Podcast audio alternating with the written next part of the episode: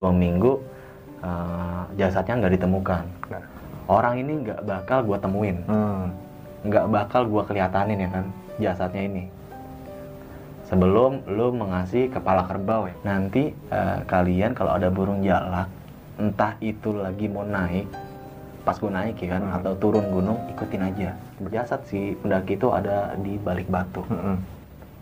udah lu jangan ngaco lu halusinasi di sini nggak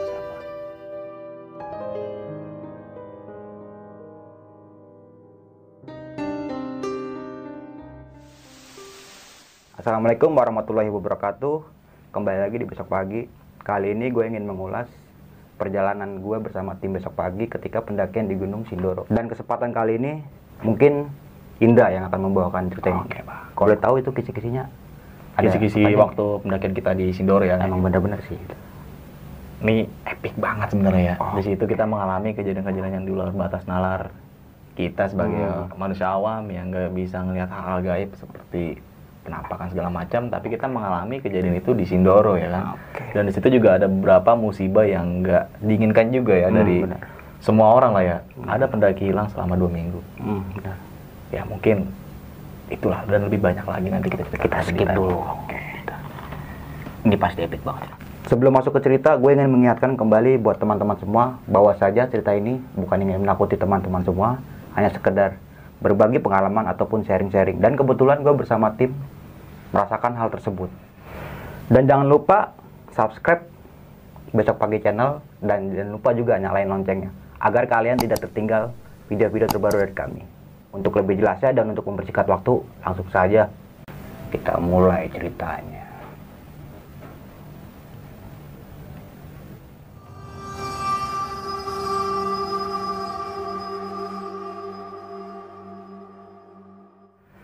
Oke, eh, sebelumnya gue sangat terima kasih banget buat teman-teman semua yang sudah mensupport besok pagi sampai saat ini. Semoga apa yang kita berikan semua ke teman-teman bisa diambil sisi positifnya ya. Benar banget. Semoga bisa bermanfaat juga bagi kalian semua.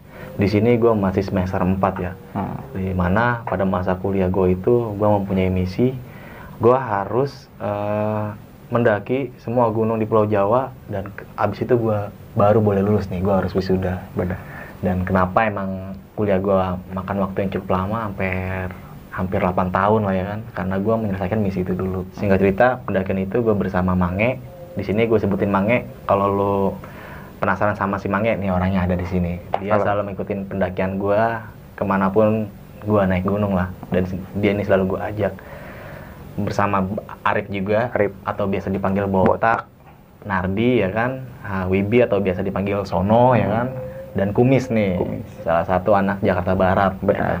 dan sekarang udah berumah tangga dan mempunyai kesibukan lah setelah kita udah mempersiapkan semua perlengkapan kita nih ya kita udah selesai briefing pada malam sebelumnya ya kan sebelum hari keberangkatan akhirnya kita mulai bergerak dari Jakarta menuju Wonosobo menggunakan bus memakan waktu kurang lebih 8 sampai 9 jam nih Cukup lumayan lama saat itu. sampailah di Wonosobo.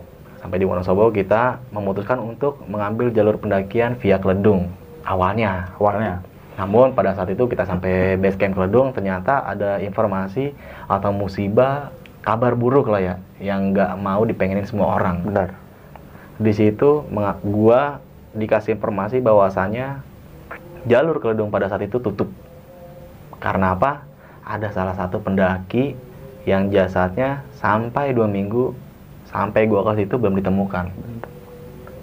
Akhirnya ditutup, gua nggak boleh melakukan pendakian pada saat itu.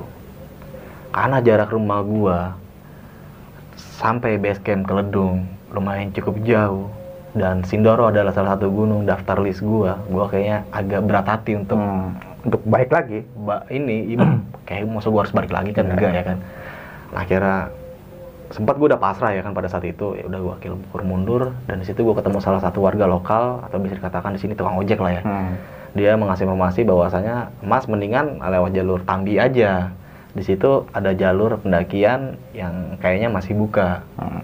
oh ya udah kita menggali informasi tentang jalur Tambi itu akhirnya kita mulai bergerak nih dari Keledung sampai Tambi itu memakan waktu kurang lebih tiga jam lah ya. Tiga jam. lumayan cukup lama karena kita harus balik lagi ke terminal sebelumnya sampai akhirnya kita naik bis eh, jurusan Dieng ya karena Tambi ini mengambil jurusan arah Dieng Arding ya. arah Dieng akhirnya sampailah di pertigaan yang di mana uh, pertigaan jalur yang ya saat Mhm. itu kalau lurus arah Dieng dan ke kanan itu menuju desa Tambi di pertigaan itu kita menggunakan uh, numpang lah ya numpang salah satu truk sayur nih Oke. untuk sampai rumahnya Mbah di sini gua katakan si Mbah aja lah Iya. ya rumah Mbah salah satu sesepuh sana salah satu orang yang dihormati lah Iya. di desanya Nah, setelah kita berjalan kurang lebih memakan waktu nggak begitu lama juga sih 30 menit lah ya kan.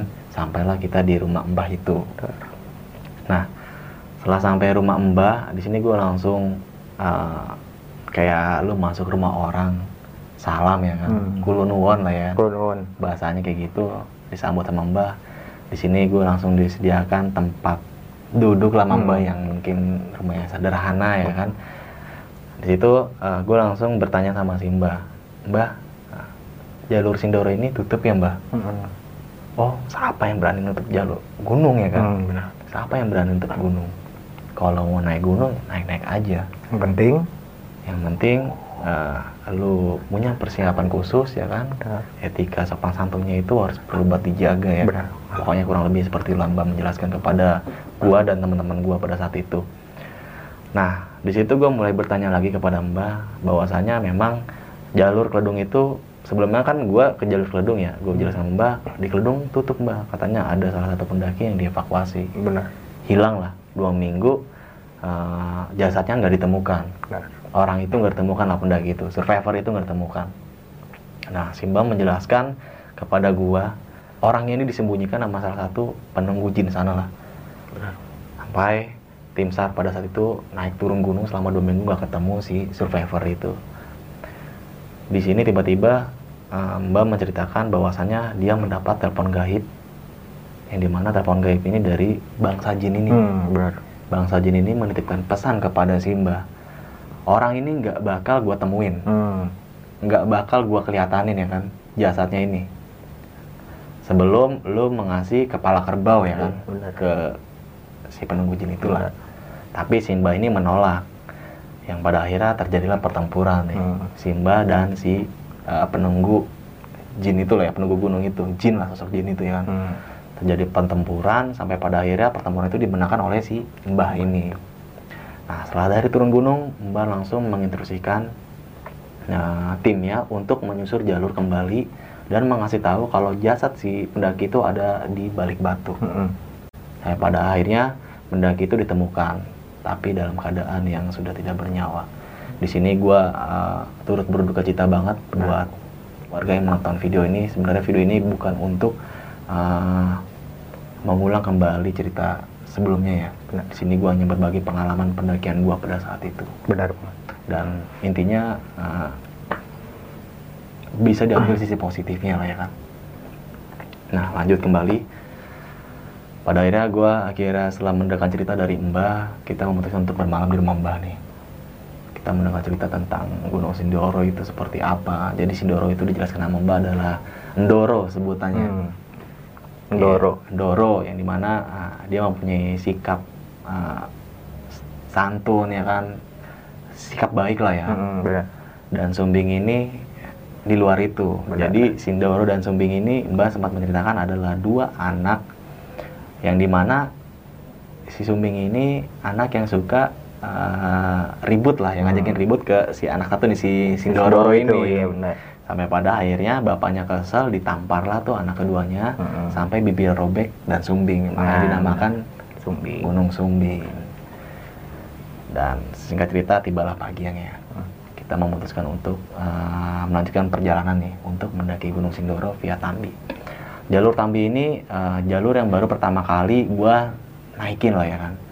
Dan pada hari itu cuman rombongan gua aja, lima Sepi. orang naik Gunung Sindoro via Tambi, nggak ada pendaki lain. Benar benar. Gue ingat banget itu. Gua agak down juga. Gue bilang sama Mbah, Mbah, uh, saya boleh nggak sih sebenarnya untuk naik gunung dalam ya cuma rombongan kita doang yang ya Hmm. karena memang ada terjadi insiden sebelumnya kata si Mbah ya udah naik lagi naik aja gitu nanti saya kasih penjaga buat kalian di situ gue masih bertanya-tanya menjaga apa nih kan nah kira bang menjelaskan nanti eh, kalian kalau ada burung jalak entah itu lagi mau naik pas gue naik ya kan Hmm. atau turun gunung ikutin aja dia adalah penjaga kalian yang saya suruh Hmm. untuk mengasih jalur petunjuk supaya terjadi, tidak terjadi hal apa pun kepada kita kita yang ya benar. Ya kita karena gua menghormati arahan mbak itu ya kita ikutin aja nge kira kita mulai kembali perjalanan sekitar jam 9 pagi nih.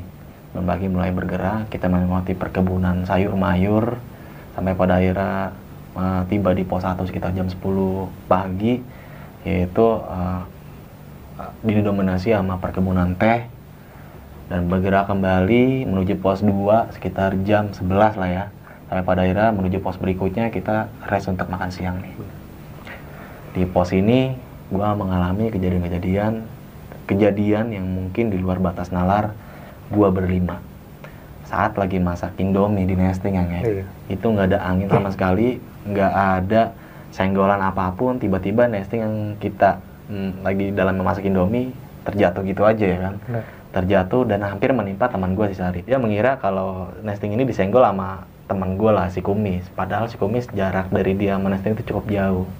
Kira kita tidak mengiraukan itu, kita mulai kembali memasak nasi dan kita melupakan kejadian itu ya. Mulailah berkembali sampai di pintu rimba nih.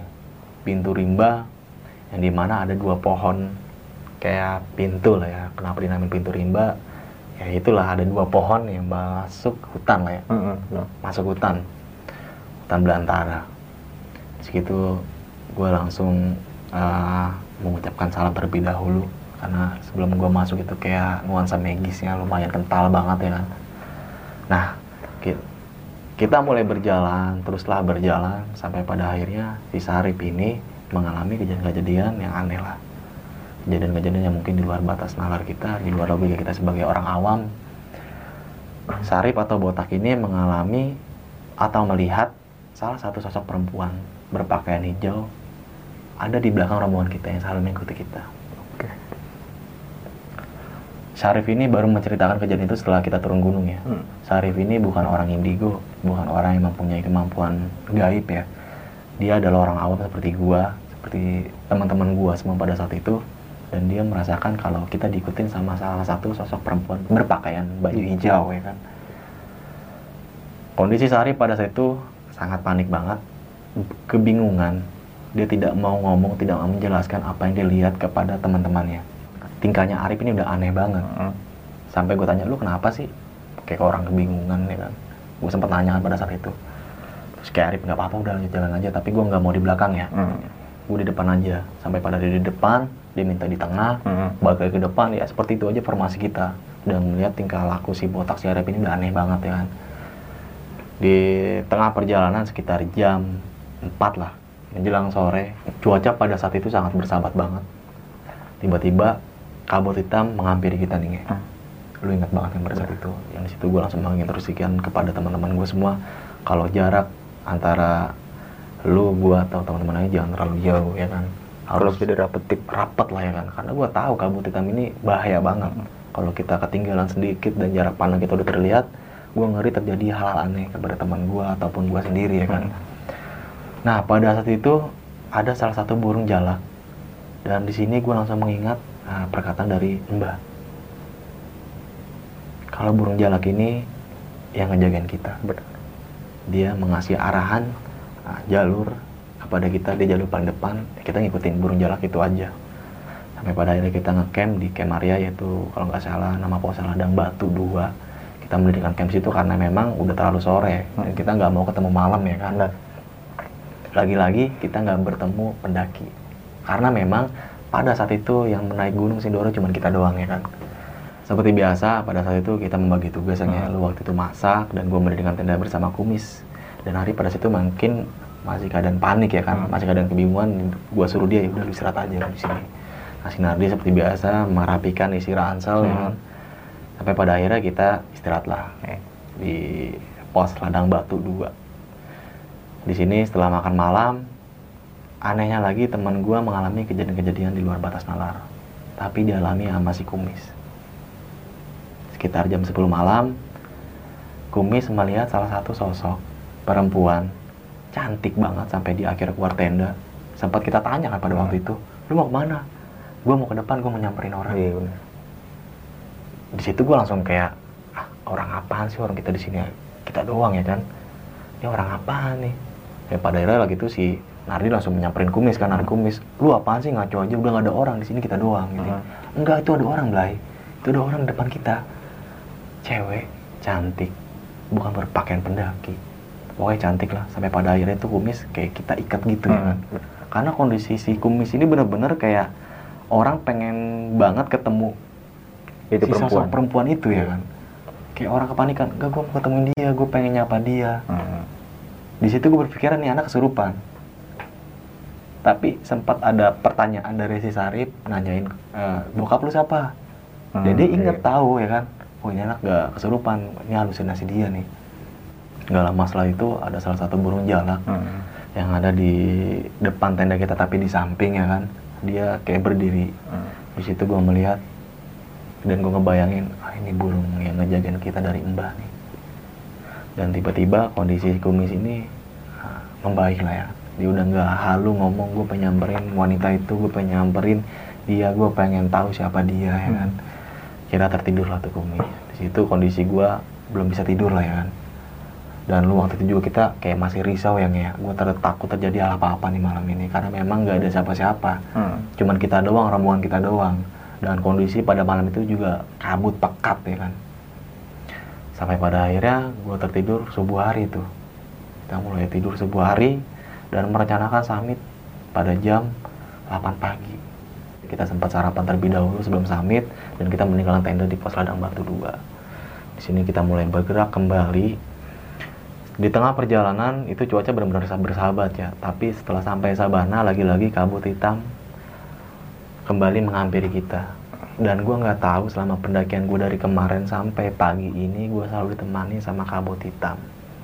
Dan kondisi Sarip pada saat itu juga masih panik ya kan? Karena kejadian-kejadian gaib yang dialami sebelumnya itu masih kayak membekas pada diri si Sarip itu. Sama halnya sama si Kumis Mhm. kayak menanyakan sosok perempuan yang tadi malam dilihat. Hmm. kondisi pada saat itu tim gue benar-benar udah nggak kondusif lah ya. Dalam keadaan yang tidak baik-baik saja di sini posisi gue sebagai leader dan Sinari sebagai sweeper di sini lu tengah-tengah dan gue harus menetralisir kondisi pada saat itu supaya teman-teman gue nggak panik nih. Setelah sampai Sabana 2 jarak kita eh, agak lenggang nih.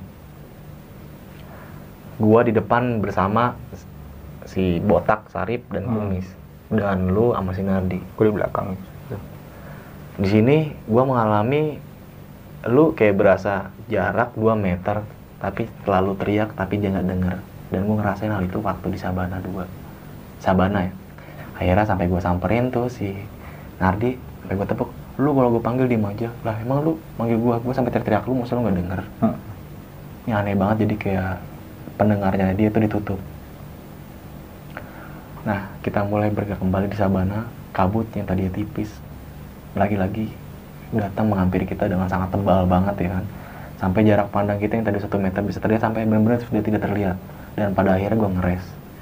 Ngeres dulu kita lumayan cukup lama ngeres di situ karena menunggu kabut hilang. Di sini nanti bakal gue tampilin juga dokumentasi gue waktu gue ngeres. Di situ kita sempat bikin api unggun ya. Bener. karena menunggu kabut hilang. Nah setelah kabut hilang itu sekitar jam lumayan cukup siang ya jam 11 siang kita melanjutkan kembali ke arah puncak. Di puncak ini lagi-lagi kita tidak menemukan rombongan pendaki lain entah itu jalur keledung maupun jalur tambi. Dan nggak ada sama sekali pendaki yang mendirikan tenda ya. Benar-benar sepi cuman kita doang.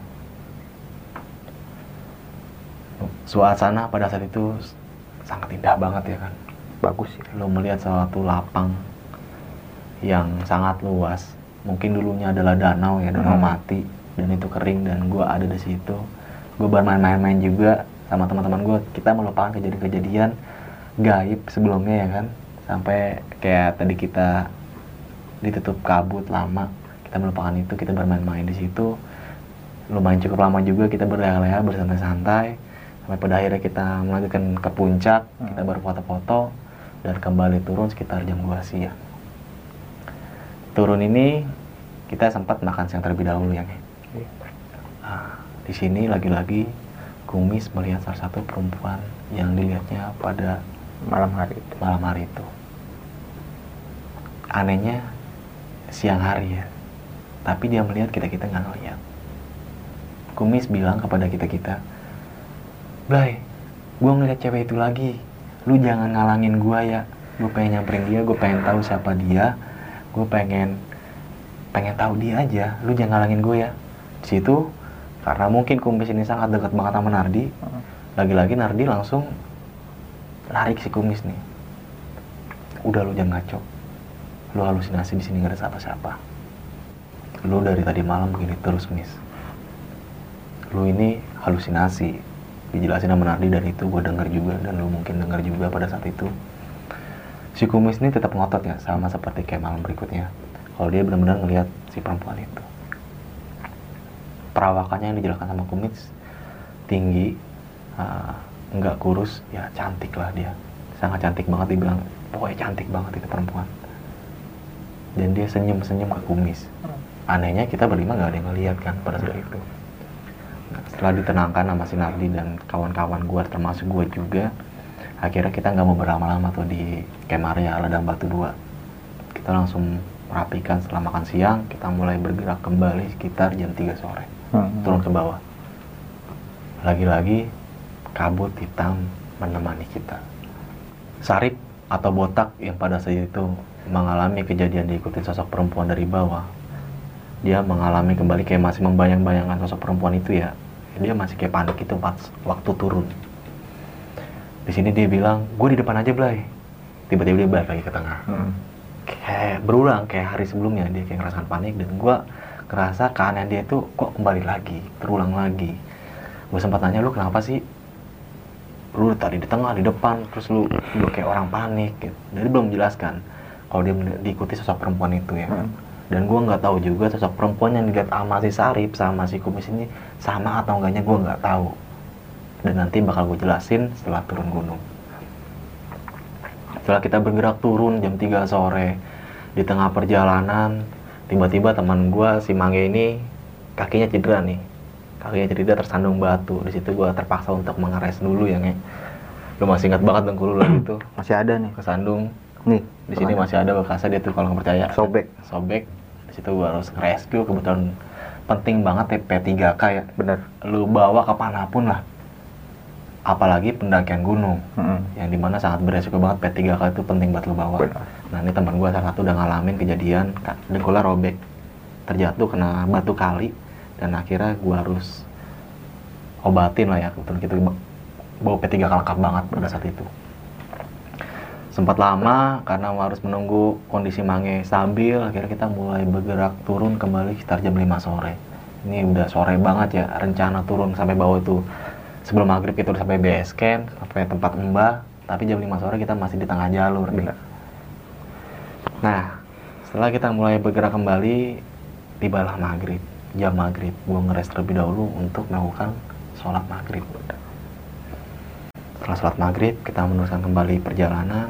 Di sini gue melihat burung jalak yang gue bilang adalah yang ngejagain gue dari Simbah ini. Burung jalak ini nggak bergerak. Biasanya dari awal gue naik sampai tadi gue ketemu malam itu dia bergerak tapi ini nggak bergerak jadi gue kayak nungguin burung jalak itu gerak aja Hmm. kayak dia ngasih pesan ya udah di sini dulu aja Stay dulu di sini. stay dulu di sini aja nanti setelah burung jalak kita bergerak ke jalur dan ngikutin tuh Hmm, benar. Nah itu lumayan cukup lama, sekitar 10 menit lah. Kita sampai ngerokok sebatang ya kan. Baru tuh burung jalak gerak lagi. Dia gerak kita ngikutin lagi. Alhamdulillah kita sampai di rumah Mbah dengan selamat ya kan. Dan situ gue sempat mengulik juga mengevaluasi pendakian gue di Sindoro. Gue mengalami kejadian-kejadian di luar batas nalar gue kepada Simba. Kenapa tadi gue jelaskan kalau kabut hitam itu ditamain pedut? Nah, Simba menjelaskan itu setelah kita turun gunung nih ya. Hmm. Setelah kita bercerita kembali apa yang kita alami selama di atas. Sampai di rumah Mbah, kita dikasih makan dulu nih ya. Gue sangat berterima kasih banget buat Mbah, yang di mana respect banget buat kawan-kawan gue. Setelah kita sampai rumah, dia langsung menyuguhkan makan. Hmm. Dia nggak kayak bertele-tele bertanya-tanya tiba langsung makan dulu, Hmm, benar. mandi, habis itu kita bisa cerita. Benar. Nah, saat itu begitu. Itu, kita setelah makan, mandi, kita bercerita nih. Benar. Di sini gua mulai buka cerita kalau pendakian pada saat itu gua selalu uh, diselimuti kabut hitam. Yang di mana kabut hitam ini sangat bahaya banget. Kalau kita jaraknya udah terlalu agak jauh ya. Dan si Sarip mulai menceritakan apa yang dia alami pada saat itu. Sosok yang dilihat Sarip, perempuan yang dilihat Sarip itu ternyata berbeda apa yang dilihat sama si Kumis. Kalau si Kumis bilang kalau cewek yang dilihat itu adalah sangat cantik. Kebalikannya kalau Arif melihat cewek itu mukanya hancur. Jadi raut mukanya itu matanya ada di sini, hidungnya berantakan Berantakan. ke mana-mana. Tapi berwujud orang, cuman mukanya berantakan ke mana-mana. Nah Arif menjelaskan seperti itu. Nah setelah Arif menceritakan, Kumis menceritakan seperti itu, akhirnya Mbah kayak meneruskan kembali ceritanya. Hmm. Sosok gaib atau setan apa pun itu adalah jin ya, bisa menyerupai apa pun. Benar banget. Maupun maupun berwujudnya Cantik. cantik Iya. ataupun buruk dia tetap jin. ya Tetap kan? jin, benar. Dan kita nggak boleh takut sama dia. Benar banget. Bagaimanapun juga dia adalah kastanya rendah Hmm. di atas kita kan dia Mbak menjelaskan seperti Yang itu. lebih manusia yang lebih sempurna itu kita manusia. Yang lebih sempurna adalah kita ya kan. Nah, Simba setelah menceritakan itu dia kembali uh, menceritakan tentang kejadian-kejadian mistis yang dialami dia juga saat pendakian gunung bahwasannya ada salah satu penunggu gunung yang sempat ribut juga masa. Mbah ya kan banyak lah pokoknya mungkin itu aja sih yang gue ingin bagi cerita saat pendakian gue bersama besok pagi saat di Gunung Sindoro Benar, Pak.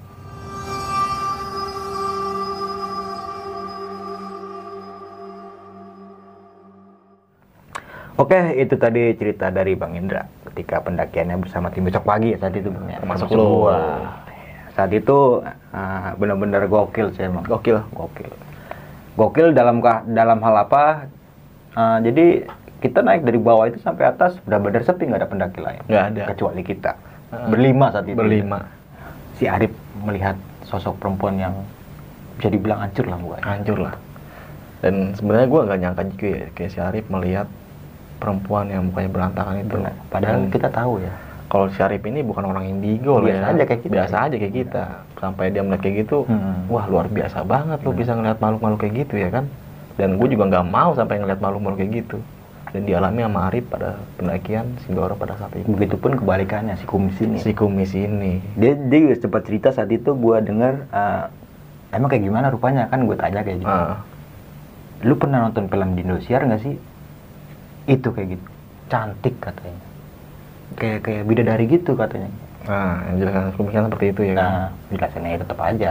Walaupun cantik, walaupun jelek, tetap aja jin. jin lah ya kan Benar. dia bisa menyerupai apa pun itu Apa pun ya itu. Tapi kan yang lebih sempurna ya kita manusia. sempurna ya kita Gue masih penasaran ya sama burung jalak itu. Sampai sekarang. sampai sekarang gue juga percaya nggak percaya tapi Bener banget. kita ngerasain hal itu ya Ngalamin hal itu saat itu. dan kita yang benar-benar kayak dituntun sama burung jalak gitu yang di mana sebelum naik pendakian mbah itu Berpesan menjelaskan kayak gitu kan. nanti bakal ada yang ngejagain kamu berupa burung jalak itu suruh saya ya kita karena menghormati arahan mbah ya kita ikuti Kita aja ikutin aja. Dia diem, kita diem. Nunggu sampai dia jalan, baru kita jalan lagi. dan itu emang nyata banget gue nyata gue rasain yang ya pada saat itu Benar. saat pendakian di Sindoro Gue di situ kan, lu sempet ngeliat gue jatuh kan saat itu. Iya. Saat gue di rescue juga kan saat itu. Jadi awal mulanya itu gue nggak sengaja nengok ke arah sebelah kiri ya kan. Hmm. Dari kejauhan gue ngeliat itu, dia kayak putih ya bayang. Bayangan putih, kecil tiba-tiba. Hmm. Tiba-tiba kecil kan, aw awalnya kecil. Dan tiba-tiba langsung berbentuk wajah perempuan. Makanya gue kaget saat itu. daripada air lu jatuh Gue kaget dan gue panik, gue terjatuh. Kan sempat beset di sini gua. Makanya uh, mungkin dari kejadian itu sampai sekarang gue kalau naik itu uh, nggak bisa cepet-cepet lah karena itu awalnya. Kalau bisa di dalam dunia pendakian itu kalau kita melihat apa-apa itu jangan panik. Jangan panik, jangan takut gitu aja. Iya kalau misalnya lu panik, lu ngeliat sesuatu lu panik, kayak gini jadi. pada saat itu lu eh, pas dibawa ke klinik dijahit berapa? Jahitan supaya teman-teman pada tahu. Delapan jahitan. Lumayan dalam deh jadi emang ini kecil ya. Kiri kanan itu kira-kira kira 3 cm lah Hmm. dari situ. Tapi da dalam dia. Kira-kira 2 cm dalamannya lumayan lumayan ya. Sampai-sampai apa tulang putih dengkul itunya kelihatan kayak. Gue inget banget saat itu gue ngeliat pas lagi dibersihin kan. Astagfirullah. bahwasanya setiap pendakian itu nah, lo harus mempersiapkan sematang mungkin Benar. bukan hanya perlengkapan yang mungkin lu udah menyangka safe banget Benar. ya. tapi mental pikiran lu pun harus perlu juga Bener banget. apalagi sebelum pendakian kalau bisa lu mengetahui karakteristik gunung yang pengen lu daki nih Jangan jangan kayak kita ya. jangan kayak kita karena memang waktu itu kita taunya via kedung gitu gua Benar. mempelajari jalur kedung itu seperti apa Hmm. namun pada akhirnya pada saat itu jalur kedung ditutup Bener. nah kalau bisa lu gali literasi terlebih dahulu gunung itu dan kalau bisa juga nih ya Hmm.